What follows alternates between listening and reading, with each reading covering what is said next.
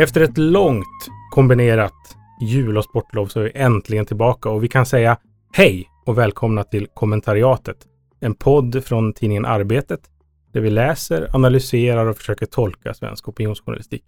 Jag heter Daniel Svedin och är politisk redaktör i Arbetet. Och istället för Johannes Klenell har jag idag sällskap av Lotta Ilona Heinonen, kulturskribent, ledarskribent och framförallt redaktör på Nya Mitten. Lotta, du kan väl berätta vad det är för något först? Ja, tack och hej. Hej. Eh, Jag är alltså redaktör för Nya Mitten som är LO Mediehus nya satsning på eh, opinionsjournalistik. Och där har vi ett gäng krönikörer och eh, andra typer av texter som skriver om både aktuella samhällsfrågor och också om politiska frågor, framförallt från vänster. Men eh, försöker släppa in en högröst då och då för att ge lite mothugg eh, och bred samhällsdebatt. Och det har funnits i eh, snart en månad, så det Mm. får man jättegärna gå in på hemsidan och nyamitten.se eller följa på sociala medier för att hänga med i vad som händer. In och klicka. Exakt. Vi har gäster med oss idag också. Romina Pourmokhtari, som är förbundsordförande för Liberala ungdomsförbundet. Och så har vi Göran Greider, Mm. som bland annat är chefredaktör för Dala-Demokraten. Mm. Varmt välkomna hit. Tack tackar. snälla. Hur känns det att vara här? Spännande. Ja, det, Lite, alltså som om jag är en trojansk häst. ja, du är lite så här, vi tar det som Eh, gisslan här på något Nej, sätt. men bara så att gå i korridorerna i LO mediehus känns jättespännande. Jag kommer absolut få alltså, avlägga en rapport till eh, mina liberala vänner om hur det var och vilken färg hade mattan och Hur hur drack folk sitt kaffe. Mm. Nej, jag mötte ju folk som har jobbat på Dala-Demokraten det första jag gjorde. Jag tänkte, det är liksom fel ställe Mm. så här. Men det är jätteroligt att det här finns. Jag vet inte hur länge mediehuset här har funnits. När, närmare fem skulle jag säga. Men, Men okej. ja, man mm. får ju nästan räkna bort de här pandemiåren. Just det. det är Ja, nästan- det, de har det är, nästan, försvunnit. det är två år som bara Har kommit till... Ja, just det. Ja. plussats på. upp i rök. Men eh, den ryska invasionen av Ukraina sägs ju ha förändrat världen och har också förändrat svensk politik och svensk åsiktsjournalistik. Eh, Dagens Nyheter har låst upp sin sajt, vilket är ett säkert tecken i tiden att det är på allvar. Säsongspremiären av det här avsnittet av kommentariatet kommer också präglas av kriget och alldeles särskilt av vad Sveriges chattrande klass har tyckt och tänkt, möjligen tänkt snett om den här allvarliga situationen. Så nu tänkte jag att vi drar igång avsnittet. Mm. Förutsätter att det kommer någon eh, mellanmusik. Ja, det blir någon liten, någon liten, någon liten blubb där. Mm. Precis. Eh, första mars författade Anna Björklund i Aftonbladet en text som blev mindre omtalad än vad man hade kanske kunnat tro att den skulle ha blivit. Rubriken är First Person Shooter-spelen har uppfostrat en ny majoritet unga män. I texten får vi veta saker som eh, om Vladimir Putins längd och om hans botoxvanor. Vi får också veta att Anna Björklund känner till längden på flera svenska NATO-vurmare. Framförallt är det en text om handlingskraft och om att våga agera tufft i krisen. Våga vara en Chad, inte en kack i krig.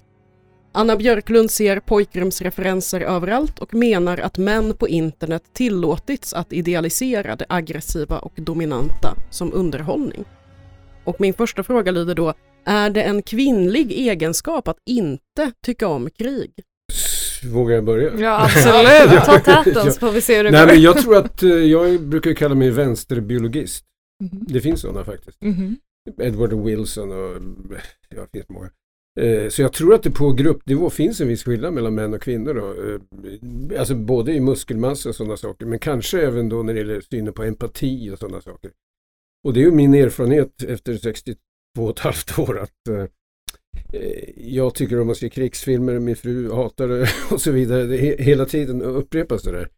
Så jag tror att det är inte bara sociala konstruktioner här utan det finns då faktiskt någonting eh, biologiskt i botten där. Det, det, det var jag, alltså jag kan ju inte bevisa någonting men det var jag tror faktiskt. För jag är lite skeptisk till just det här med att man förklarar nästan allting med att det är sociala konstruktioner. Och det blir svårt att förklara till exempel det här gängvåldet som finns. Va? Det det är ju nästan inte en enda kvinna som håller på med det. Eller ung tjej va? Medan Ja, däremot... stämmer inte. alltså. Ja, men ju- totalt sett det måste man ju ändå säga att det, Ja, man det är får absolut leta en länge. majoritet av män. Ja, Ja, det det, alltså det är en överväldigande majoritet av män skulle jag vilja påstå. Mm. Eh, Så jag tycker att det åtminstone kunde diskuteras mer kanske. Nu vet inte jag vad de håller på med på internet. Jag vet inte vad internet är för någonting. I alla fall inte de här spelen då. Jag vet inte. Har du spelat dataspel någon gång? Nej, aldrig. Alltså sådana, du gillar krigsfilmer men inte krigsspel. Nej jag, Mm. jag vill inte delta i krig, jag vill bara titta på det. Ja. Just det, men För- hade du varit ung idag? Ja, Då hade jag säkert shooter- hållit på, ja ja. Ja, ja, så För det är väl också hela grejen att i de här spelen är det du som skjuter och att det liksom Ja okej, okej. ger ett annat perspektiv till än att bara titta på krigsfilmer, att det liksom spårar ur på grund av det. Det kan jag tänka mig. Ja. Att, eh, nej men det, det är säkert så att det där bidrar just till den sociala konstruktionen manlig aggressivitet. Det, det kan jag tänka mig. Men jag menar ändå att det finns någonting annat i botten där. Eh, som faktiskt inte går att komma förbi riktigt. Och som framförallt vänstern har haft väldigt svårt att diskutera. För man vill inte veta av så mycket naturvetenskap utan hellre antropologi och sånt. Ja, nej, men jag kan väl eh, delvis alltså, vara beredd att hålla med, men jag tänker ändå, eh, så här, ja det finns, eh, så här, om man gillar evolutionsteorier är det ju lite svårt att tro någonting annat än att kvinnor har ju traditionellt sett under väldigt lång tid varit de som eh, ja, men tar hand om andra delar av livet än vad männen gör. Det är väl nu i liksom senare modern tid som det är mer jämställt och man, Mm. man delar på uppgifter i högre utsträckning och då om man sysslar med något tillräckligt länge, då tänker man väl på vilka, utvecklar man egenskaper som gynnar just det. Liksom. Mm. Och om man ska värna barn och familj och, och så, då är det ju ganska ologiskt att vilja, vilja kriga. Så. Eh, så det finns väl olika instinkter, men jag hoppas ändå att människor är tillräckligt, alltså vi har ju ändå möjligheten att styra det där lite mer nu. Eh, och sen så tänker jag också på att Ukraina kanske är ett exempel på det motsatta, där det är ganska många kvinnor som också frivilligt stannar och, och ger sig in i, antingen ger sig in i stridsföring rakt upp och ner, Mm. eller sitter i liksom skyddsrummet och, och eh, hjälper till på olika sätt. Så att Mm. det finns ju liksom, Ja det är helt sant alltså. Jag Mm. menar, det- för det första är det så att vi Oavsett vilken natur vi har så har vi mental kapacitet att övervinna Ja, eller precis. vara någonting annat. Det, det, ska man ju alltid ha klart Mm. för sig. Men, jag, men, det är ändå, jag, tycker det är värt att påpeka, det är för att många Mm. som blir upprörda när man säger sådana saker. Och, som Att inte allt som att det på gruppnivå faktiskt finns eh, mm, mm. skillnader, även om det individuellt kan vara hur som helst nästan. Mm. Nästan i alla fall. Tror jag. Men jag tänker att det finns en poäng i, i hennes text. Liksom. Det känns ju som att det, eh, nu spånar jag verkligen fritt här, men Mm.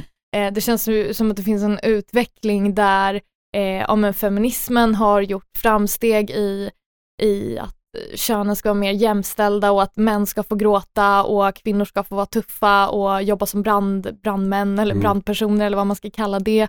Eh, och att en konsekvens av det har blivit att det bildats en backlash som hänger mycket på internet, alltså Mm. Chad-kulturen eller vad man ska kalla den och också liksom hela, eh, ja men så här, att det finns en motreaktion till alla incels, att det ska vara så här, Jordan B. Peterson, ryck upp dig, eh, så, ta Mm. hand om dig själv, ta hand om din, din familj och vara en liksom värdig människa eh, och fyll, tjäna din plikt och sådär. Alltså den, hela den kulturen är ju väldigt liksom passande i det här läget, så att Mm. på, ur det perspektivet kan jag ändå se poängen i Annas text. Men jag tycker faktiskt inte att den var värd så mycket mer uppmärksamhet än Nej, det var inte särskilt bra helt enkelt. Nej, exakt. Alltså, det, det, det trodde ändå att den skulle, den skulle flyga lite mer, men det kanske är den enda tiden som, som just sådana konservativa macho-maskulinitetsdrag i det moderna samhället faktiskt kommer till, nytta. till nytta. Törs man säga det? Nej, det tror Nej. jag inte. Som tur är det väl någon som stryker det värsta här. Eh, Den politiska redaktören. Ja. Nej men det finns... men det, det är en stor risk alltså det här med, jag menar, allt stöd till Uk- Ukraina. Jag är till och med för vapen som skickas till Ukraina från svensk sida och så vidare. Men man måste ju kämpa för att hålla sig borta från militarismens virvlar och allt sånt där. Alltså, det tror jag är jätteviktigt. För annars Gud, så, eh, det är livsfarligt. Alltså. Det är så lätt att, jag har ju kompisar när jag får mejlar från folk som har gått med i hemvärnet. Snart kommer de säkert att visa upp sig med stora vapen i händerna och sånt där. Och det där, man måste vara på sin vakt alltså mot det där. För att det, det, gynnar en viss typ av sätt att se på andra människor. Ja, vi pratade ju om det här i en annan podd eh, precis innan det bröt ut. Ja, vad, Göran. vad, vad pratar vi just om det här då? Nej men du tog Ja. upp samma sak, att du sa att man ska vara aktsam för att liksom spä på min- den här konflikten och, och det- än har Mm. inte hänt något och sådär. Men, men Jag trodde inte att det skulle bli en sån här Nej. fruktansvärd Nej. invasion. Det, trodde, ja, det trodde väl de flesta inte faktiskt. Men, men, eh, Mm. men jag tror att det, att det är viktigt faktiskt. Jag Ja. menar heroism och sådana tankefigurer är alltid farliga faktiskt. Men det är ju väl just de här konservativa, vi har ju varit auktoritära tider länge tänker jag i västvärlden, Ja, alltså ärans och hjältarnas land Ja. och så vidare Mm. och nu finns det plötsligt ett nyhetsläge där Mm. man kan basha på det med, Mm. för kung och fosterland bokstavligen. så att Precis, det är som att det, väx, det växlas in i någonting som är på riktigt. Ja. Gäng, gängkrig och sådär är ju Mm. också på riktigt såklart, men att plötsligt har man en situation där ja, auktoritära manliga våldsidealen kan liksom komma, Mm. liksom manifestera sig Mm. Mm. eh, från Rysslands sida och Mm. man måste försvara sig med, med samma, på samma sätt. Mm. För det är så liksom en armé och Mm. militarismen ser ut på något Mm. sätt. Och jag tänker att det är väl lite min kontrast gentemot det, ditt Mm. perspektiv Göran, att så här, någonstans tycker jag ändå att även om man vill motarbeta den liksom eh, eh, manliga machokultursperspektivet i, i att så här, nu ska jag kriga och stå upp för mitt land så finns det också liksom en, en verklighet att förhålla sig till där Putin varken är demokrat eller feminist Ja, eller har respekt för människoliv och så här, kommer det till det så Ja. så tänker jag att det inte är så konstigt att man, man vill liksom, eh, ja, stå upp för sitt land och, Ja. och plocka upp ett vapen. men men det. är klart att man inte vill alltså, uppmuntra till att vapen skulle vara skulle vara en, en kul och bra grej eller är- att liksom ja, eh, precis, men det är på också något na- sätt romantisera det Ja, här just är ju det. ganska sunkigt för det är ju Ja. ganska smutsiga grejer. Men eh, jag tycker inte det är ett större problem än om man inte hade gjort det. Det hade jag Det- tyckt var ett långt större problem. Nej, men det finns ju en fantastisk roman som heter Okänd soldat av Väinö Linna som handlar om kriget mot eh, Sovjetunionen. Och den är fascinerande därför att eh, där visar det sig att de, de som visar sig vara de bästa soldaterna, det är de som inte är krigisar, de som inte, Mm. alltså de eh, som precis har kommit från vad det nu kan heta, officersskolan eller någonting. Eh, De ska ju stila upp sig och vara liksom så här, de blir skjutna direkt därför att de är klantiga helt enkelt. Medan de bästa soldaterna är de som avskyr alltihop. Förstår jag menar? vill ta sig ut Det är en paradox också att, att därför att de beter sig lugnare, de gör inga så här dumma heroiska grejer utan Mm. de är smartare som soldater till och med. Men då är det väl jättebra om fler vill alltså, gå med i hemvärnet och göra eh, värnplikt eller vad det nu är. Ja, så länge de inte lägger ut bilder på där de står med vapen Ja mot- absolut, men om de inte lägger upp bilder då är det ju bara de hetsiga männen som är, romantiserar våldet som lägger upp bilder. Så jag tycker att det är ganska, alltså, och det är väl också därför det får sån positiv respons när liksom Ja. Försvarsmakten jobbar som de gör i Sverige, att man liksom har ett, en väldigt bred eh, ja, men ett brett perspektiv på vilka man vill attrahera till Försvarsmakten. Och det är ju inte för att så här, vara myspys, genus och snäll utan det är ju för att det finns alltså, försvarspolitiska fördelar Det det med att ha Mm, en, det en liksom bredd.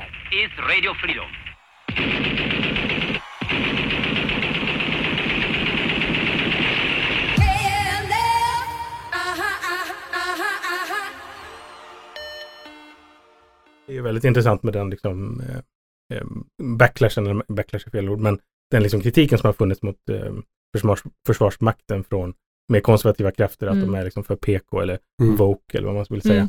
Eh, och att nu eh, är det liksom samling kring, kring den här institutionen då, liksom hem, hemvärnet. Mm. Eh, och man ser liksom personer som åker ner till Ukraina, det är någon sverigedemokrat som har blivit avhånad för att han åkte ner till Ukraina och verkligen skulle kriga och så kom han på att han måste få en månads utbildning. Och då var det inte intressant längre, så då åkte han hem. Mm. Alltså, apropå din, Ja, din ja, ja, här- precis, ja, jo, jo. outbildad och rusa ut i fält. Ja, just det. De har också haft väldigt bra svar på det där, alltså, att det, alltså Försvarsmakten Mm. på varför, alltså motiverat, att men varför är det så viktigt att värva fler kvinnor och så vidare. Mm. Alltså det handlar ju om att med krig är ju eh, är liksom en Mm. helhetskatastrof på något vis. Och ska du som, eh, som försvarsmakt och armésoldat Mm. gå in i ett område där det finns både kvinnor och män och barn, Mm. Då är det ganska sunt att ha liksom blandad kompetens som går in och för att kunna bygga förtroende i Mm. stora delar. Det Svenskt Försvar har gjort Mm. hittills har varit i konfliktzoner i andra länder Mm. så är det ju stora liksom, delar i just det förtroende, Ja, förtroendeuppdraget det. som har varit A Ja, och O för att kunna göra ett bra Ja. jobb överhuvudtaget. Och det kanske inte alltid är liksom, den muskliga machomannen som går hem liksom, för, Nej, jag, i jag, ett civilsamhälle där, Nej. där våldet har röjt fram redan. nej, och dessutom den som avskyr det där skjutandet liksom blir ju ändå försiktigare, så att säga. Mm. mer rationell tror jag. Mm. Absolut. Jag, jag kan verkligen rekommendera den här Okänd. Det är en av de största romaner som har skrivits i västvärlden om krig tror jag. Den finns också som miniserie på HBO. Sett den gråtit som ett barn Jaha. till den Jaha. för att eh, en av huvudrollskaraktärerna är väldigt, väldigt lik min finska kusin. Oj! Eh, Mm. så, Mm. eh, jag har en fråga till. Eh, hur lång är en genomsnittlig svensk NATO-vurmare? Jag tittar på dig Romina. Alltså, och då menar du i, det, i den här texten Anna har skrivit, har hon skrivit, vad var det hon har skrivit? Hon sagt skriver att, hon skriver Jag att vet hur Put- kort den är. Putin är 1,70 och sen så Mm. avslår hon, Mm. hon säger ingenting om svenska NATO-vurmare men hon hintar om att hon vet Mm. hur långa svenska Mm. NATO-vurmare är. Hon har fel, det är jag. För att det, är klart man kan tänka att så haha det är så roligt att eh, Ulf och Nyamko är eh, jättekorta. Eh, men det är ju Nooshi också liksom. Eh, och eh, de flesta som gillar NATO är ju så här långa gubbar i politiken, typ Allan Widman, Johan Persson, Johan Forsell och alla de här som man liksom alltså måste ha en pall för att kunna prata med. Typ. Eller liksom, så att nej, det är som sagt, jag tycker texten kunde ha jobbat Det var en intressant snabb. som kom in i den faktiskt. Ja, det var lite lustigt. Alltså, Nej, jag tror att den vad var det, svenska NATO-förespråkaren närmar sig medellängden i Sverige. Mm. Ja, kanske det, i jag takt Vad- vad med? En att, och- eh, kanske i takt med att alltså, de flesta svenskar, eller att en majoritet av svenskar nu är för NATO så blir väl Ja, medellängden jag mer menar det. Det, det, är liksom, justerad. eh, det, det, är det, är medellängd där. Alltså, de är nog över 1,70 skulle jag tro. Mm. Eh, Men absolut, alltså jag skulle kunna bygga på Annas tes.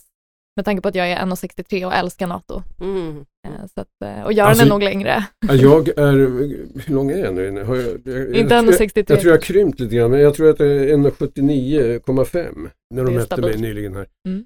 Eh, och det är nog lite under medellängd tror jag. För, Mhm. för NATO. Däremot bredden är du, är ju för, eller, mycket är, du, är du för eller emot NATO nu? Så är det Nej, jag, NATO- jag, jag tycker vi ska hålla oss utanför NATO av eh, tusen skäl.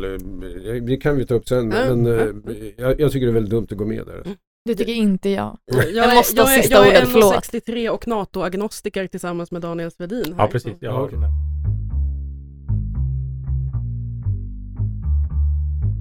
Anna Björklund för ju också ett intressant resonemang om den mörkaste tiden i mänsklighetens historia. Jag ska citera lite då.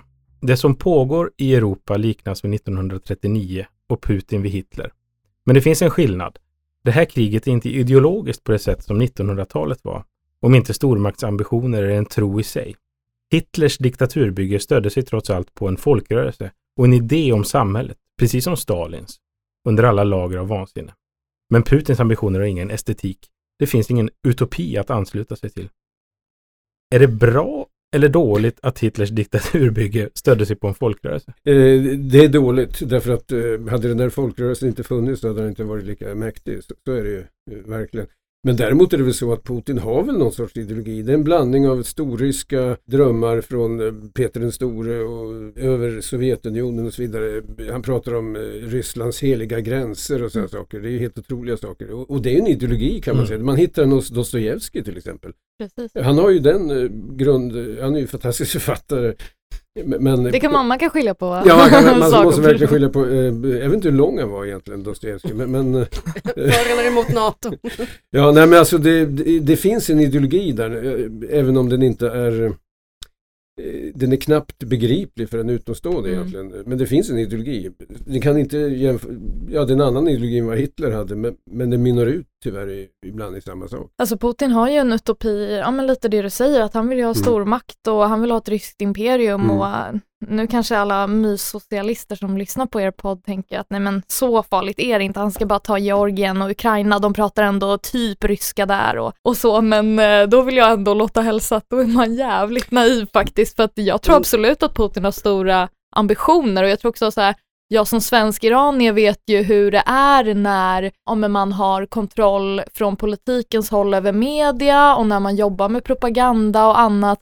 Det går väldigt snabbt att liksom bygga upp en rätt skev världsbild och, och få en, en ganska stor del av både befolkningen och kanske den politiska ledningen eller i försvaret i Ryssland att här, köpa det och tro att man, eh, man kan åstadkomma väldigt stora grejer. Det är en ganska snabb spiral. Jo, jo, nej, men det har du säkert rätt i verkligen. Nej, men däremot så måste jag, jag vet inte hur många det finns, men eh, om det är vänsterpersoner som håller på Putin så är det väl ganska otroligt. Därför att den, det är världens rikaste man praktiskt taget. Det det är ju ingen som vet hur mycket han äger.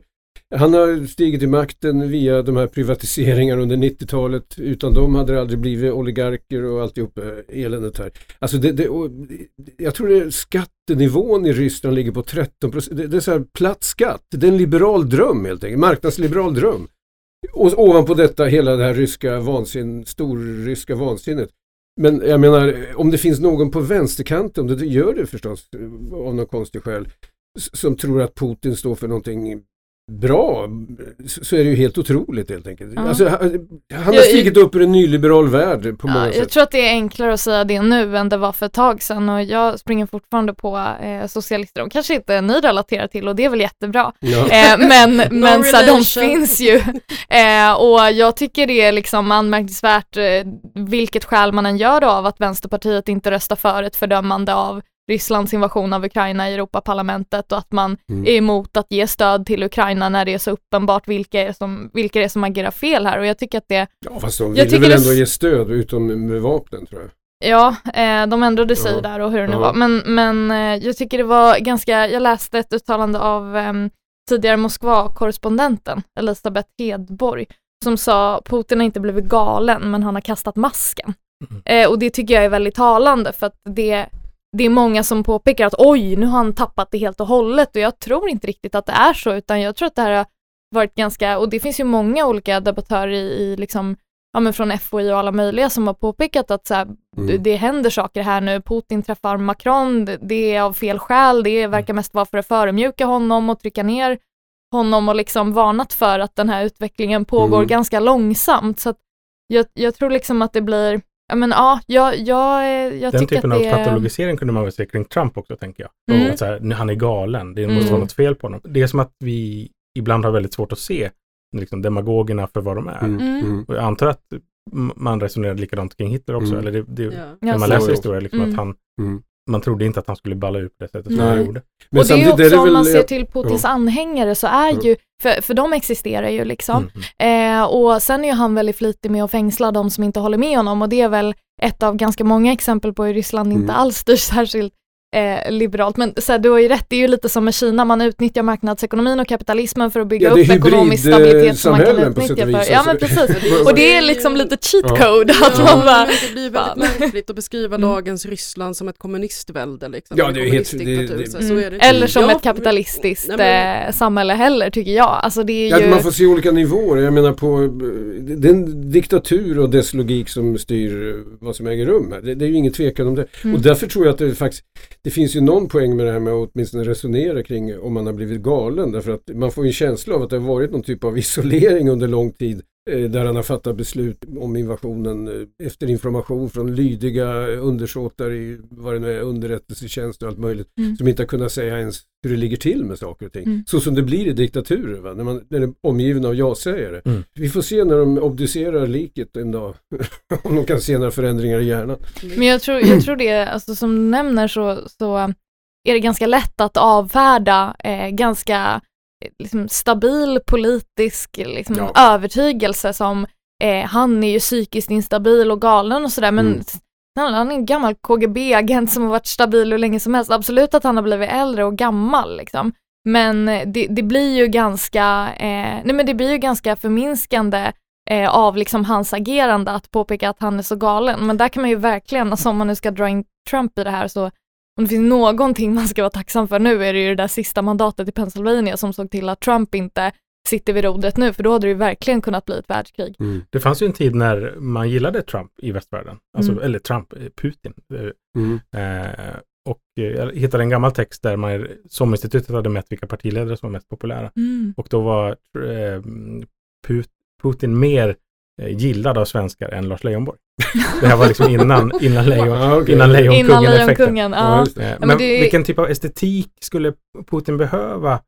Vilken liksom ideologi skulle han behöva säga för att eh, framföra för att bli mer eh, sympatisk i Anna Björklunds ögon tror ni? Eller i de som inte förstår I Anna honom? Björklunds ögon är väl irrelevant, däremot i det ryska folkets ögon är det ju väldigt intressant att varje gång han har eh, han har ju börjat tappa i förtroende väldigt Mm. tydligt och sen har han påbörjat någon slags krigsföring mot ett annat land. Mm. Eh, Georgien, Krim, vad det nu har varit så har det ökat hans förtroende i opinionen Mm. eh, hos det ryska folket. Sen vet jag inte om hur mycket han bryr sig om det, han verkar ju köra på oavsett vad eh, Mm. och fängsla eller mörda Mm. motståndare Mm. och sådär. Så att eh, egentligen är det väl inte eh, avgörande för hans liksom, eh, Nej, jag, sätt jag att tror att det är svårt för Putin men- att hitta något sätt att hantera det. Alltså det. Jag menar, det kommer att komma besked från militära myndigheter till ryska föräldrar om att deras son har stupat och samtidigt får de höra till slut att deras ukrainska släktingar har dött och så vidare.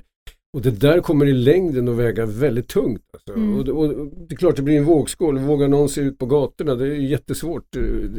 Man får ju liksom eh, hysa enorm beundran för de som har vågat sig ut eh, på gatorna och, och med risk för att bli arresterad och dömd och så vidare. Senast den här kvinnan. eh, Som fick ett oväntat lågt straff. Ja, det var, ju- det, var, det var ju mycket. Jag trodde hon skulle åka in. Ja, absolut. direkt.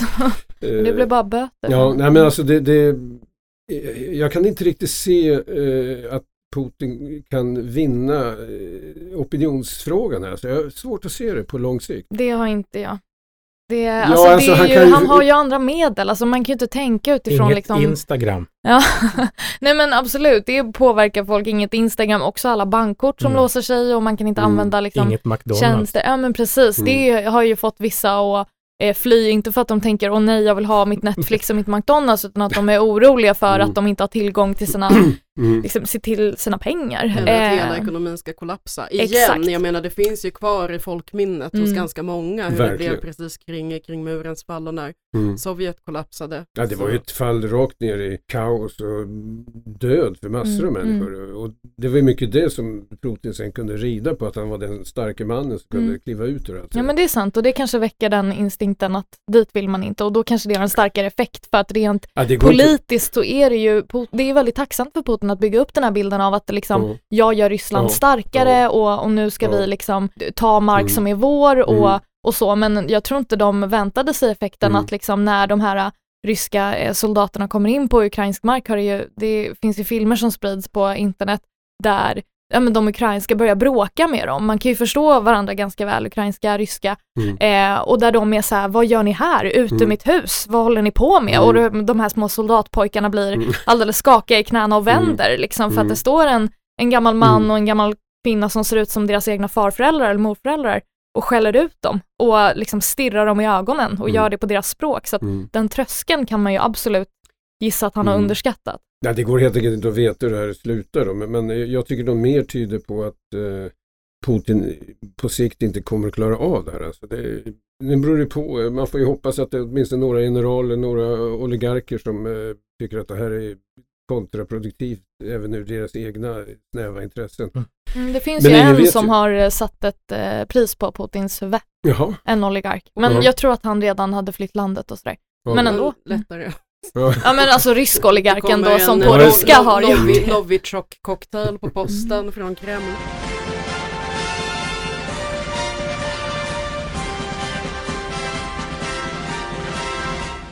Ska vi gå vidare? Mediepersonligheten Kalle Schulman är i alla fall inte en person som sysslar med first person shooter-spel i Anna Björklunds tappning då, utan i Peter Morgon erkände han att han nog inte, citat, hade det i sig. känner nu, när man ser de här ukrainska papporna som lämnar familjen med gränsen och åker tillbaka. Jag, jag vet inte fan vad jag har det i mig. Men det, det här med att liksom, eh, stanna kvar och ändå, inte, och ändå stå upp, det kan inte fly. upp till, slut så kanske det, kom- till slut kanske det kommer dit där du är. Stå Ska, upp för du vad? Landet, naturen, värderingar.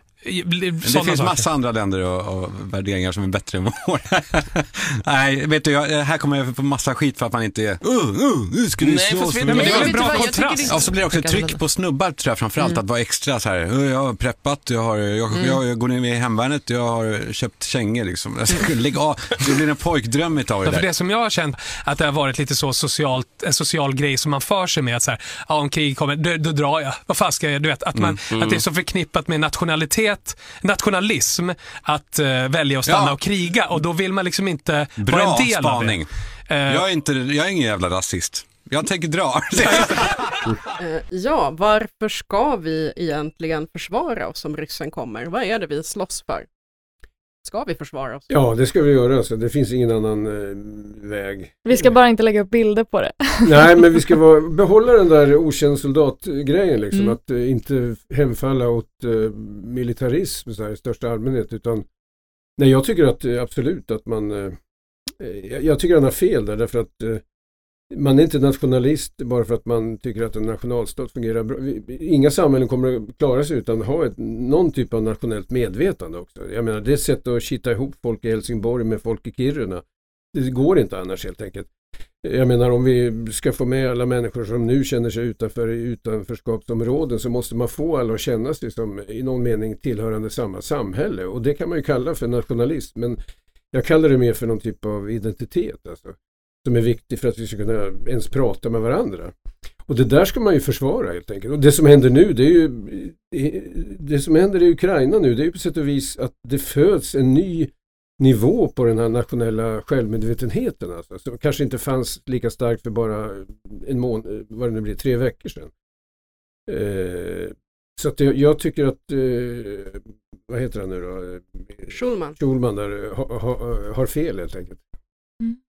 Ja, nej, men jag håller väl med, kanske lite av andra skäl. Jag, eh, eller nej, i grund och botten inte. Alltså, jag håller Mm. med men av Mm. samma skäl då kan man Mm. väl kanske säga. Jag, eh, nej men jag tänker väl bara att, ehm, ja, men så jag kan ta mig själv som exempel. Jag, jag älskar Sverige, jag har inga problem med att säga det och jag nu är jag också född här men så här, ingen annan verkar ju eh, köpa att jag skulle vara svensk så, så eh, jag är svensk för jag är född här och jag är väldigt svensk av mig och pratar svenska och tänker på svenska och så.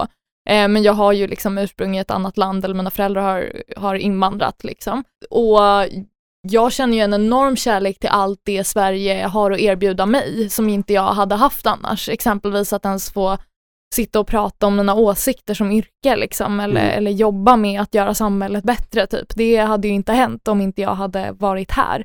Eh, och det är ju bara en av de sakerna som jag eh, tänker är liksom värt att försvara. Att, att liksom Sverige är ju ett land där det finns en väldigt stabil demokratisk liksom, etablering, det finns pressfrihet, tryckfrihet, feminism i, i stor utsträckning och liksom, det, det är ett jävligt bra land och det skulle ju inte finnas om inte folk är villiga att arbeta för det. Sen tycker jag att det är fullt legitimt om man som människa känner att så, jag tänker inte dö för mitt land liksom. Eh, och där är väl inte minst medlemmarna i mitt ungdomsförbund en stor skara av dem. Eh, det är lite så vattendelare, antingen är man heltidssoldat eller så vägrar man mönstra. Eh, det är det man har att välja mellan hos, hos våra små liberaler. Eh, och eh, där känner väl jag snarare att jag hellre skulle ge mig in i, i försvaret, men jag skulle, Mhm. som Göran faktiskt också tycker, inte lägga upp det på sociala medier. Jag tycker det blir sånt jävla poserande, apropå det Kalle Schulman är inne på, att man ska liksom Mm. visa att man är man och gå med i hemvärnet Mm. och börja bunkra och sådär, det köper jag absolut Mm. för det är en tendens som känns väldigt tydlig att man ska, vara så, man ska vara så stolt nu när man printar sin så välkommen till hemvärnet och man har inte ens gått en månads utbildning, kanske Mm. börja med det och sen skryta om det, eller jag vet inte. Men eh, ja. Men det där, det där är intressant alltså. För jag råkade se ett avsnitt av det här eh, amerikanare som har ursprung i Sverige. Vad, vad, heter, det. vad heter det? Allt för Sverige. Allt för Sverige. Och då refererar de lite uppgifter från här World Survey någonting. Och vad nu heter. Mm. World Value Service säkert. Ja, just det. Ja, Mm. precis. Eh, och det, blev jag lite förvånad över att eh, då har de bland den här frågan, eh, är du beredd att försvara ditt land i krig? Eh, I Spanien var det, nu drar jag till med någonting ungefärligt, var det 35 procent. I flera andra europeiska länder låg det också på de här siffrorna. I Sverige låg det på 76 procent. Mm. Eh, Och det tyckte jag väl, jag visste inte att det var så faktiskt. Eh, Det kanske är en falsk motsättning som man har målat upp kulturellt på något vis. Mm. Att ju Mm. mer individualistiska vi är och desto friare och gladare och mer välfärd Mm. desto mindre Alltså just för att försvaret och så vidare sätts som ett konservativt värde och så vidare. Mm. Men att det, den motsättningen kanske inte, Nej, kanske men det, inte det, existerar. det, det, är, liksom. alltså, det är samma sak som eh, man brukar ju, jag menar från Kristdemokraternas sida eller djupt konservativa människor så tror de att familjen är extra ansatt i Sverige bara för att vi har dag, eh, förskolor och sånt där. Men det är precis tvärtom. Alla de där institutionerna som finns kring barn gör att familjen stärks Mm. snarare. Och det kan man nästan blåsa upp till nivån av nationalstatsfrågan också. Va? Så att jag, jag tror att det är så att det är en falsk eh, motsättning där ofta. Mm. Det är absolut en falsk motsättning för att om man tänker på alltså alla de här människorna som vill ha sin, eh, ja men det som gör Sverige till Sverige och skiljer Sverige från andra länder, för Kalle Schulman har ju helt fel i att det finns andra länder med bättre värderingar där allt är toppen, ja men flytta dit om du är så sugen på det. Här finns det ju liksom en enorm stor, ja men dels sekularitet men också möjlighet till självförverkligande, en ekonomisk stabilitet och liksom ett, ett, ett liksom i, i stort sett fungerande samhälle på väldigt många fronter jämfört med andra länder. Och det är ju någonting man även som Mm. individualist kanske vill försvara. Mm. Även om man ser att så här, ja, försvaret blir ju väldigt kollektiv, alltså kollektivistiskt. Det blir ju så här, ja men du ska vara en av ganska många som är villiga, ledet. ja men precis. Mm. Det kanske man inte går igång på Under så mycket. socialdemokratisk regering. Ja, precis, för, för Magdalena. Mm. Eh, nej men eh, det kanske man inte går igång på så mycket men man gör det väl för att försvara de, de värdena och Mm. de, den, Mm. det Men livet är man har tillgång också till. Liksom. stenrik, tänker jag. Alltså då är det kanske Vem lätt- alltså? Kalle Schulman, Ja, ja, är ja, ja. superrik. Alltså Mm. det kanske är lättare att få, alltså det är inte, då är man ju också Han är en oligark. mindre, precis, vem vet. Eh, Men man är ju mindre begränsad av, ehm, Mm. liksom, av platsen man är född och uppvuxen på Det är sant. landet. Alltså jag Mm. tänker att hans nätverk, han är säkert super, nu spekulerar jag bara, jag känner inte Kalle Schulman, s- liksom, fäll mig inte för förtal. Jag misstänker Mm. att han är en person som flyger mellan New York och Stockholm ganska ofta. Han har sitt internationella gäng, Mm. han kan liksom, det är det livet han lever och vill, kan Mm. tänka sig att försvara. Mm. Liksom. Mm. Eh, och då, tänk, då tänker man kanske lite annorlunda kring Mm. det där. Just det, han behöver liksom inte anpassa sig till samhället han då skulle flytta och Nej. leva, leva i. Liksom. Han, han är ju en typisk person som kan köpa sig förbi välfärdsstaten på Mm. något vis. Mm. Eh, och, då, och jag är ju för välfärdsstaten Mm. i det här landet och skulle absolut kunna tänka mig att försvara det. Men svårt att spekulera om. Jag har ju, jag har ju föreställt mig att jag drar till vår sommarstuga i skogen och sen sitter jag där och häckar tills allting är över. Liksom. Ligga med älgstudsaren i någon buske där. Verkligen. Yxa, försvara mitt hem, min Mm. familj. Mm. Som en riktig konservativ surgubbe ska Mm. sitta där och häcka. Men den här spaningen som, som man säger i det här klippet är så bra att så här, det, det är rasism. Eh, att, eller att det är antirasism att lämna, lä- lämna Ja, land. alltså det är ju just ordet rasism, man ska ju ändå vara lite försiktig med det där ordet. Alltså det finns eh, verkliga rasister som har det som ideologi som värderar människor helt olika beroende på hu hudfärg och ursprung och så vidare. Men att förknippa eh, en sån sak som nationalstaten automatiskt med eh, rasism är ju helt fel. Det är självmål också. Ja, det är självmål. Alltså det, det är fel därför att det, det är till och med så tror jag att det, om nationalstaten fungerar som demokratisk arena och välfärdsarena och så vidare, då mi- minskar man ju risken för att rasistiska rörelser ska uppstå. Det är ju, vad vi har sett i hela västvärlden det är ju att när välfärdsstaten har rullats tillbaka på sina håll, det är mycket det som en delförklaring till att högerpopulismen har med sin rasism har brutit fram. Alltså. Så, så att man, man ska alltid vara lite försiktig med det här ordet rasism. Man ska använda det för de som verkligen förtjänar det. Också- Men då är väl Ryssland ett exempel som går emot det, eller? För i Ryssland var det ju fattigdom och misär och därför valde man Putin som skulle... Ja, alltså det kan ju bli de där, det är ungefär som 30-talets Tyskland, totalt kaos, en stark ledare. Mm. Det är blir- väl det som är det klassiska upplägget. Ja, så kan det ju vara. Men det är också det här med, för det handlar ju också, jag menar 1932 var arbetslösheten i Tyskland 40 procent. Det går inte att föreställa sig vad det är för någonting egentligen. Eh, Nationalsocialistiska partiets eh, siffror steg ju nästan i takt med arbetslösheten. Mm. Om, om, om det skulle bli krig i Sverige och ni skulle välja att fly, vilket land skulle ni då fly till? Om ni fick välja fritt alltså. Det är ju nära till Norge okej. såklart. Nej men alltså jag gillar ju ganska mycket Island. Jag har bara varit där en gång men jag tyckte om de varma källorna. Det känns väldigt eh, alltså enkelt att se dig på Island. Ja, jo, om man jag, ska jag, föreställa sig. ensam på en stor sån här ödslig heder går jag omkring och skriver en sonett. Verkligen, och lätt Ja. att försvara också tänker jag. Ja, alltså inte det. Jag, jag vet inte riktigt. Det räcker väl att de omringar dem med militära marinskepp så får de ing, Man kan ju inte leva på fisk i all oändlighet. Man vill ju ha lite kött. Nej, jag vill inte fly. Alltså jag känner absolut att jag är liksom en stark individualist och jag älskar mitt liv men någonstans så kommer jag ju dö ändå och eh, Mm. jag skulle kunna tänka mig att dö för Sverige. Mm, Så att verkligen- eh, jag, jag skulle inte vilja gömma mig i något skyddsrum utan då är jag hellre, alltså jag vet inte, jag kanske inte duger till att vara soldat men bära sandsäckar eller någonting Mm. hade jag nog hellre gjort. Men om jag nu måste fly Mm. Så vore väl det logiska, jag har ju dubbla medborgarskap så att eh, det hade väl varit Iran jag får fly till då. Men då kanske, alltså jag vet inte hur taggade de är på att ta emot mig. De kanske bara kastar in mig i finkan och ger mig piskrapp. Men då dör jag i alla fall inte Mm. så att det är fortfarande liksom ett steg upp. Eh, Mm. Om poängen är att så, jag kommer dö om jag stannar, Mm. jag måste, måste fly. Iran, ett steg upp från skyttegraven. Ja men precis, men helst skulle jag nog faktiskt vara i den skyttegraven i sådana Mm. fall. Ja, men jag hade ju en liten spaning om det här som liksom ur svensk eh, arbetarklass som alltid har bott på samma ställe. Eh, liksom min familj är från Dalarna. Eh, släkten är därifrån.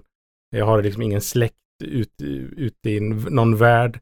Eh, det finns liksom ingen som kan ta emot Mm. mig och jag liksom, visst jag har pengar men inte Kalle Schulman-pengar. Mm. Så att jag, jag, jag skulle väl behöva vara kvar. Eh, Ja, men du drar till Grängesberg. ja, precis. Ja, ja, men, ja, och det, lägger mig i något gruvhål där. ja, det finns bra skyddsrum där skulle jag tro. Exakt. Nej men annars har jag väl tänkt Kanada är väl som, det är nästan som Sverige tänker jag. Fast, Nästan Mm. som fast Sverige. på andra ja. sidan havet. Mm. Just det. Ja, jag, har ju, alltså jag tänker också lite så här, men vart har jag, vart har jag släkt, vart har jag dubbelt medborgarskap? Men då Mm. tänker jag, men Finland. Mm. Men det hjälper en inte särskilt mycket om det är ryssen som anfaller. Det, det kan den- bli ur askan i elden. när. Ja. Exakt, närmare. Men jag har faktiskt fascinerats av hur coolt det är i Sverige att vara finsk helt plötsligt. Mhm. Och ha släkt som har gått igenom vinterkriget och Mikael Damberg blev nästan hjälteförklarad när han berättade i Expressen om sitt Mm. finska påbrå. Så Mm. ja, Hultqvist också med. Hultqvist, ja just det. Mm. Nej men var det inte någon veteran eh, häromdagen i tv, 100 år gammal, som pratade om finska vinterkriget? Jo, jag har hört Ekot också. Ja, ja, det kanske var det mycket. Nej, det gjorde ett starkt intryck tror jag på många. verkligen. Mm. Vad logiskt att Peter Hultqvist har alltså, kopplingar till Finland. Det Mm. förklarar ju varför han är så bra i försvarsfrågor och Mm. inte är lika naiv som alla Mm. andra på vänsterkanten. Nej, men då både han och, han och Damberg var bägge två sådär att vi, vi har liksom det i blodet nästan. Att Mm. Leder fi ska vi, Mm. det, det är inget att lita på. Ja, den där blodmystiken är Men han är ju själv eh, alltså. malaj. Alltså, Ja, ja, visst.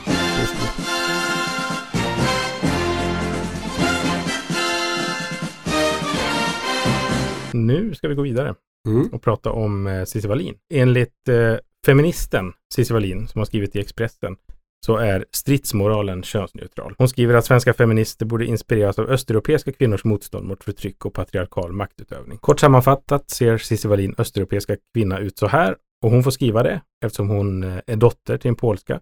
Det är barnvagn och partysmink vid fred. Om det blir krig, då citat samlas man i källaren och gör, gör egna molotovs hellre än beter sig som en hjälplös prinsessa. Och sen fortsätter hon så här. Den svenska kulturdebatten, till exempel om det är dålig feminism att ha ångest över att åldras, avfärdas som helt obegriplig av de polska kvinnor jag pratar med. Har svenska feminister verkligen inget viktigare att oroa sig över, undrar min aktivistkompis Agnieszka i Warszawa.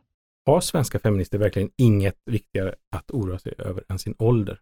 Det är ju bara feminism som är på olika platser. Alltså, eh, om man har avhandlat eh, rätten till abort och om man har en, eh, exempelvis då som i Sverige, att både flickor och pojkar ska mönstra, eh, ja men då går ju debatten vidare till att prata om petitesser såsom som ålderism eller att eh, ja, men en kvinna ska vara skönhetens spira och vad händer när man då blir gammal som kvinna liksom.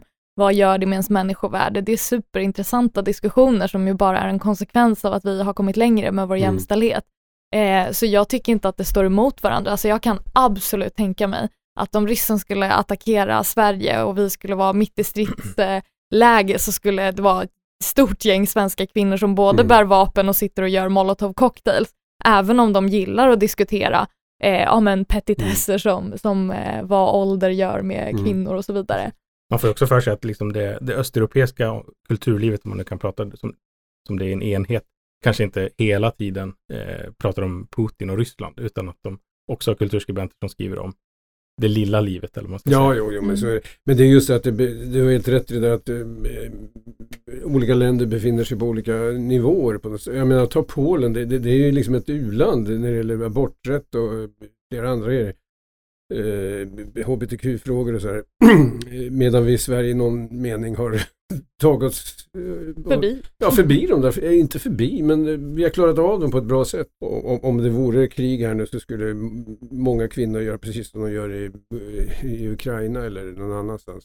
Ja, särskilt eftersom de har sina rättigheter att försvara. Så man försvarar ju, Ja, det. Ukraina ja. försvarar man ju den, den liksom frihet och demokrati som, som råder och så här, det är ju inga konstigheter att Ryssland, alltså eller inte så här, Ukraina är ju på många sätt ett bevis för Putin på vad Ryssland hade kunnat vara utan honom. Alltså Ukraina var ju ett exempel på hur liberalism och eh, ganska mycket personliga friheter och mänskliga rättigheter kan råda tillsammans med, en med en ekonomi som håller på att byggas upp och det är ju därför han hotas så mycket av det också liksom. Eh, så det skapar ju en till dimension i det där som jag tror kanske också då är en anledning till att svenskar villiga att försvara sitt land, att Mm. man vet att här, här är det ganska bra, vi har Mm. många rättigheter, vi har mycket att försvara, så att jag tror att det, ja men jag tror inte det står emot varandra. Mm. Men jag tycker också så här, men kan man verkligen kan tre eller fyra kulturskribenter vara representanter för svensk feminism på något vis? Alltså det är ju en väldigt speciell person, Mm. liksom Mm. myself included, som har tillgång till Mm. svenska kultursidor Mm. och skriva i dem. Liksom. Nej, Alltså, alltså, det, det, blir, det, det är ju inte nödvändigtvis superrepresentativt heller att det är åldersdebatten som är liksom den stora, Nej, nej. även om det liksom, det, jag tror att det finns ett djup att dra i där. Liksom. Eh, vare sig det är en Heberlein Mm. eller någon annan som skriver om det, men jag menar vi har ju vi har kvinnojourer som kämpar motvind i det här landet. Eh, alltså arbetsvillkoren Mm. i kvinnodominerade välfärdsyrken. Och också alla utrikesfödda kvinnor som inte är inne på arbetsmarknaden och lever med helt andra rättigheter Visst. än vad Mm. svenska kvinnor gör. Nej men så alltså var finns den svenska feminismen? Ja, det är inte framförallt på kultursidorna utan det är liksom de som eh, diskuterar pedagogiken på förskolor eller försöker få bättre arbetsvillkor i Handels eller vad som helst. Alltså det är massor av feminism som kämpar på ganska bra då, även om det är alltid en viss patriarkal motvind i alla samhällen fortfarande. Kommer att vara länge än alltså. Medan däremot kultursidorna, det är väl där det utspelas den här debatten om ålderdom. Det, är inte, det har inte tagits utanför Nej, det är väl tykonomin som det mesta andra vi, vi diskuterar här. Ja, jag läser ju liksom. nästan aldrig kultursidor. Det är slöseri med tid. Är ganska ofta. Jag, nej, jag menar allvar alltså. Det, det är ganska sällan jag läser. Jag skriver gärna på dem, men jag läser Jättebra, det inte. där kommer jag, alltså jag kommer citera dig på det. Ja, ja, nej men alltså det, det, därför att eh, det blir ofta pseudodebatter helt enkelt. Det är väl ingen tvekan om att det är så. All respekt för att man inte vill läsa kultursidorna, jag gör inte heller det Jag vill ofta. men... eh, Oftast för att jag inte hinner. jag, Eller får- jag liksom, förmår inte. ja, men om, man, om man måste välja mellan liksom ledarsida och kultursida är det ju uppenbart vilken jag väljer också. Men jag tror att så här, det är konstigt att kritisera det och påstå att det, det är liksom att de står emot varandra, att man måste välja Ja, mellan debatten om, Mm. om liksom, eh, kvinnors säkerhet och aborträtt. Där är väl den frågan, så är det mer feministiskt, feministiskt inspirerande att se på ett land där, där aborträtten inte existerar än på ett land där feminister lyckats avskaffa det förbudet? Även i Sverige kan någon blicka tillbaka mot hur det var 1909 eller någonting. Att eh, där hade vi en tydlig fiende. Alla höll på att dö av fattigdom och svält, eh, bostadsnöd. Eh, då kunde man verkligen veta vad man skulle slåss mot och för. Mm. Och idag är det ju lite suddigare av det skälet att vi har fått det så mycket bättre. Så att det, det kan ju finnas en sån impuls i människor, det tror jag. Men det måste man sätta sig över helt enkelt, så gott det går. Nej men alltså det är ju lite konstigt att du, det är ju samma, det, det känns ju väldigt privilegierat att sitta och romantisera kampen för aborträtt i Polen eller så. så här, mitt eh, ungdomsförbund lägger ju långt mer eh, tid och arbete på aktivism mot, mot Polen och Ryssland och för liksom mänskliga rättigheter där än vi lägger på att bråka om mer feminism i Sverige. Mm. Eh, för att vi helt enkelt utgår ifrån var är människor minst fria liksom och var Mm. behöver det jobbet göras. Men även Svenska Dagbladets ledarskribent Peter Wennblad har argumenterat för att tramsdebatter och transdebatter har stått i vägen för Sveriges möjlighet att ta Putin på allvar. Så här skriver han och då citerar jag. Vad gjorde vi i väst medan Xi Jinping och Vladimir Putin lade världen under sig frågar sig den brittiske journalisten Matthew Syed i en kolumn i tidningen The Times. Jo, svarar han, vi tjafsade om könsneutrala toaletter. Och visst har de västerländska demokratierna i allmänhet och Sverige i synnerhet ägnat många minuter och miljarder åt betydelselösa bagateller. Som huruvida ljushyade människor är lämpade att översätta mörkpigmenterade författares texter, eller om färre sugrör på både hamburgerrestauranger och sjukhus liksom släckta lampor en timme om året är höjden av miljöpolitisk medvetenhet. Medan ukrainska soldater byggde försvarsvärn längs den ryska gränsen grävde vi skyttegravar i vår egen navel. Är allting identitetspolitikens fel? Är det därför, är det därför Putin invaderar? Jag har försökt lansera teorin här om, eh, om håll, i, håll i hatten nu, att identitetspolitiken är det som räddade vänstern från Putins famn. Han var ju liksom ganska Mhm. snabb med att gå ut som homohatare och misogyn och så Mm. vidare och så vidare. Och det i sig har ju liksom hållit ganska, en ganska stor del av, eh, av liksom politiska aktivister och så vidare Mm. borta ifrån allting som har med Ryssland att göra. Pussy Riot, liksom, och många många liksom aktivistiska nätverk som har byggts mellan Sverige och Putin-motståndare i Ryssland till exempel. Alltså det är själva det ordet identitetspolitik tycker jag är ganska knepigt därför att eh, det progressiva i detta det är ju att eh, en grupp människor som är osynliga eller förtryckta gör sig synliga. Det kan vara homosexuella, det kan vara samer, vad som helst, alltså som eh, träder fram och visar att det finns en annan grupp människor här med andra traditioner. Och då, då är ju identitetspolitik någonting bra helt enkelt. Därför att det berikar hela mångfalden.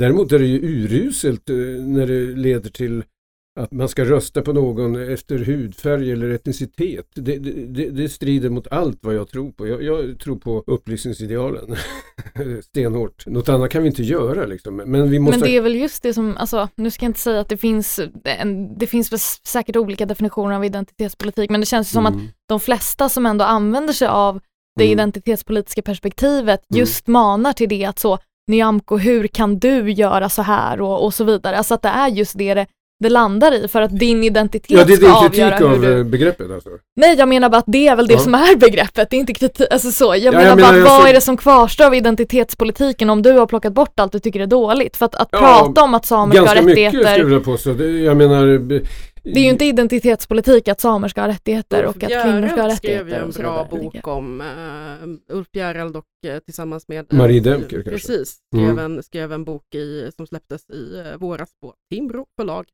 Eh, Släpptes den där alltså? Jajamän, Jaha, eh, om, om, om just identitetspolitiken och vad det innebär och vad, hur man, olika sätt man kan se det. Alltså jag Mm. ser det ju som det offentliga samtalets slasktratt.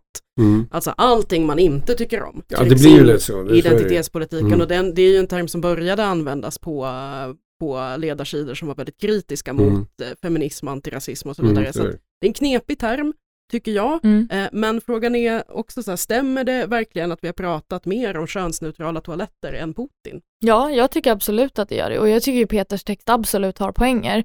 Eh, däremot så skulle jag väl kanske inte, alltså, jag tycker det blir, det blir väldigt enkelt att eh, kritisera hans text om man fäster vikten just vid den formuleringen att identitetspolitiken har förstört för det andra. Men det är ju sant att den svenska debatten, i alla fall enligt mig, alltså består av så otroligt konstigt fokus. Jag skrev en krönika själv om det i Arbetsvärlden för ett tag sedan, att jag blev väldigt frustrerad och trodde inte att det var så när jag gav mig in i politiken, att jag skulle behöva diskutera vad Hanif Bali har twittrat och huruvida Ida Karkiainen Ja, har där, ja, ja. eller vad det nu liksom, alltså det, det, nej men jag tycker alltså det är så otroligt eh, respektlöst mot alltså de enorma samhällsproblemen som faktiskt påverkar ganska många människors liv.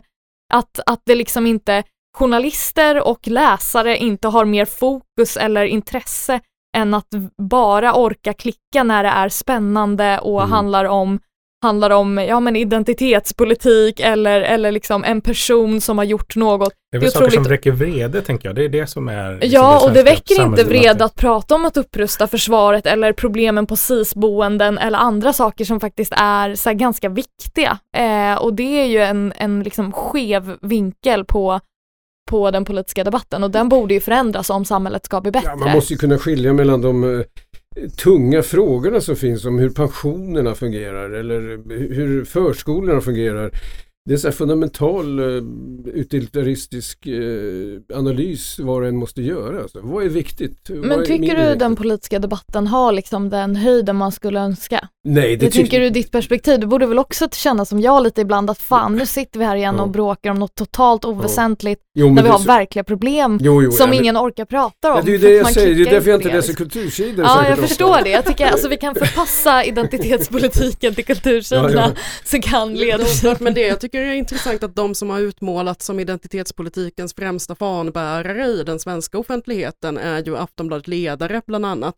Mhm. Och finns det någon som har skrivit om Putin så är det Anders Lindberg som skriver, skriver en text i veckan eh, Jo, jo, jo, och har gjort det i åratal Mm. om Ryssland och försvarspolitiken och så vidare. Men samtidigt har du ju Jonna Sima som skriver liksom 30 och 11 texter om att Ebba Busch har på sig någonting eller vad det nu är. Så att det finns ju liksom en bredd där som man kanske... Jag måste LO mediehus eh, gå till attack. Ja, hallå, vad är, vad är svaret där? Ja, men det, det känns väl som att det är på två... För de här exemplen som han har med i sin text handlar ju väldigt mycket om det som sker på kultursidorna. Men det ursäktar väl, om, om man ställer det i konflikt med att vi inte har satsat på försvaret, vilket jag tänker är Mm. det, Mm. så är det ju inte, det här pratar ju inte politiker om. Eh, liksom könsneutrala toaletter. Det finns ingen minister Nej, som är inte. engagerad i det. Jo men det är ju Eh, det de får frågor om i sina intervjuer. Ja, precis. Frågor om. Ja. Det får de ju. Men Ja. det är väl också för att vi som väljare på något sätt är intresserade av de Ja, sakerna. det, jo, det är Eller att det förväntas att vi ska vara Mm. mer intresserade av det. Mm. En upprustning. Men jag tänker på, det- i slutet av, text, av hans text så har han en liten vädjan om tråkighet i, i politiken där han liksom exemplifierar med Kristdemokraterna i Tyskland. Och lite apropå det ni är inne på. Mm. Alltså tråkighet, ja, så här Kain-experimentet med Adenauer och sen liksom bär fram hela vägen till Merkel. Mm. Ehm, att det är det som är, borde vara liksom politiken. Mm. Behövs det mer tråkighet i politik? Ja, Ja, om man bortser från Adenauer som, som var så otroligt tråkig så att det, det är liksom alla klockor stannar. Merkel är ju rena eh, ståuppkomikern i jämförelse med Adenauer. Eh, nej men så är det ju alltså, men det, är- det är samma grej det är egentligen det här med att eh, skilja mellan det som är avgörande för människor och samhällen och det som är mera kanske avantgarde eller eh, ja, någon som vill vara rolig på något sätt.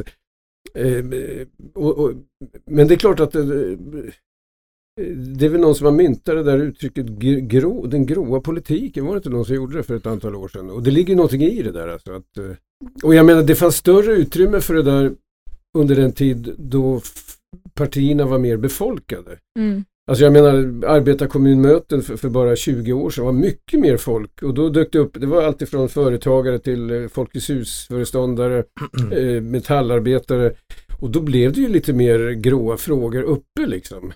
Nu när det bara sitter en ombudsman och sen en eh, kaxig eh, SSU som vill prata identitetspolitik för övrigt. Så, förstår ni vad jag menar? Så Ja. Jag tror att så fort när det är många människor närvarande då blir det de viktiga frågorna. Mm. Och det är Alltså, lätt jag att inte, säga. Jag har varit på Ja. möten med min bostadsrättsförening och det är tycker det är många personer tråkigt. där och det, det, det, Det det, hjälper det, inte. det är inte nödvändigtvis de viktiga frågorna som dyker upp. Nej, nej, men, ja, men då är det väl så här, hur höga ska trösklarna vara vid entrén? Det ligger en konstig sten här. Ja, ja, men jo, men... Då man ska utbrista. Varför pratar ni inte om kriget? Avgifter, vad fan är Det det? här är en enorm frustration för mig, att politiken så sällan får vara tråkig. Jag jobbar ju ändå Mm. liksom varje dag med ren politik i ett parti, jag sitter i en partistyrelse, jag är adjungerad i en riksdagsgrupp. Åh, liksom. jag. Mm. det, är, det, är- nej, det är just det. Det är inte Mm. tillräckligt tråkigt. Jag får ganska sen, nu, och då är det ändå liksom Liberalerna, alltså vi är de tråkigaste av dem alla. Och ändå är det alldeles för sällan jag får Mm. sitta och gå igenom en ny rapport med en ny politik för att lösa problem. Alltså, jag, vill, jag vill bara göra det. Jag är så jävla trött på allt twittrande och plojande. Jag tycker Mm. andra kan syssla med det och så kan politiken bara få återgå till ja, men lite, lite mer liksom eh, torr, tråkig eh, Mm. samhällsproblemslösning. Det var någon eh, 90-årig man eller någonting jag träffade som hade gått med i, jag tror det var SSU på typ 30-talet. Mm. Och så sa han, "Ja, det gnetar jag på. Efter 12 år fick jag igenom min första grej. här, Mm. Efter 12 år. Så.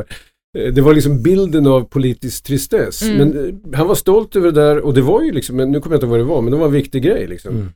Och det där, och nu är det ju så att om någon går med i ett parti och inte genast får igenom alla sina frågor så drar man nästan. Absolut, och om man ska locka ungdomar till ungdomsförbund så står ju alla ungdomsförbund Ja. nu och är så här, här du, du får en läsk om du går med, snälla, snälla. Ja, okej. gud, jag fattar. Påvärvning Exakt, och det om. kommer från båda håll ska sägas. Ja. Det, och, så, och det är ju Mm. jättesorgligt, men en, en jättetrevlig grej att igår var jag på en debatt på en skola och då var det frivilligt att vara där och salen var fylld av ungdomar som ville höra om Ukraina och elfrågan och diesel och skatt och, Mm. och liksom allt möjligt. Så att det var alltså så otroligt, alla, jag tror att varenda liksom förbund nämnde det, att så här, vad kul att ni är Ja, här och vill Ja. lyssna Mm. eh, och inte bara gått hem. Sen var det ju såklart en stor skara som man såg flöda ut genom portarna när vi skulle gå in och börja Mm. debattera. Men, Mm. men det finns ändå vissa som bryr sig, men absolut, det är en Mm. hög tröskel och, och varför, den, Mm. varför den tröskeln blivit högre är ju för att man behöver inte gå på ett torrt möte och dela ut flygblad och dricka äckligt kaffe för att få information eller påverka, utan Mm. du kan göra det genom några knapptryck på din mobil. Ge pengar till någon organisation du bryr dig om eller skriva något debattinlägg på din Instagram om hur dåligt det är med Mm. krig eller vad man nu Mm. tycker. Liksom. Man behöver ju inte ha den här äh, lite mer krävande men också mer eh, ja, riktiga eh, politiska arbetet. Liksom. Mm. Ja, men det, jag, jag tror alltid att det här med föreningsliv är nyckeln till att det samhället ska fungera. Absolut. Vilka föreningar det än är. Alltså jag sitter med någon förening för, som har hand om en bro över Västerdalälven. Det är ju bara frågor om vilken kvalitet det är på virket. Alltså, här, och det sitter en centerpartist och någon moderat och lite blandat så här. Och, och då blir det ju också en, eh, en sorts, eh, ja, det blir ingen demonisering av Nej. bara för att de tillhör någon annan parti. Liksom. Eh, det- Sånt där är ju fantastiskt Mm. viktigt. Alltså. Mm. Det är jätteviktigt för ett samhälle att man träffas Ja, och att typ ser liksom- varandra i ja, ögonen mm, och inte bara mm. sitter och, och polariserar. Nej, jag, jag Mm. tror att det är helt avgörande. Mm. Som vi har gjort här. Precis. Ja. Och med de orden Ja, vi tackar Göran Grider och Romina Pourmokhtari så mycket för att ni tog er tid för att komma hit. Har ni Mm. haft skoj? Ja, absolut. Absolut. Jätteroligt. Ja. Vad härligt. Det var inte så farligt som jag trodde. Tack för att ni kom som sagt. Ni andra som inte är i studion, ni har lyssnat på kommentariatet. Glöm inte att gå med i vår Facebookgrupp som heter precis som programmet Kommentariatet. Där kan ni tipsa om texter vi borde läsa eller ge oss skäll eller beröm för hur det här avsnittet blev. Musiken som ni hör nu, den är gjord av Simon och Elias Klenell. Vi är tillbaka om två veckor. Tack och hej då.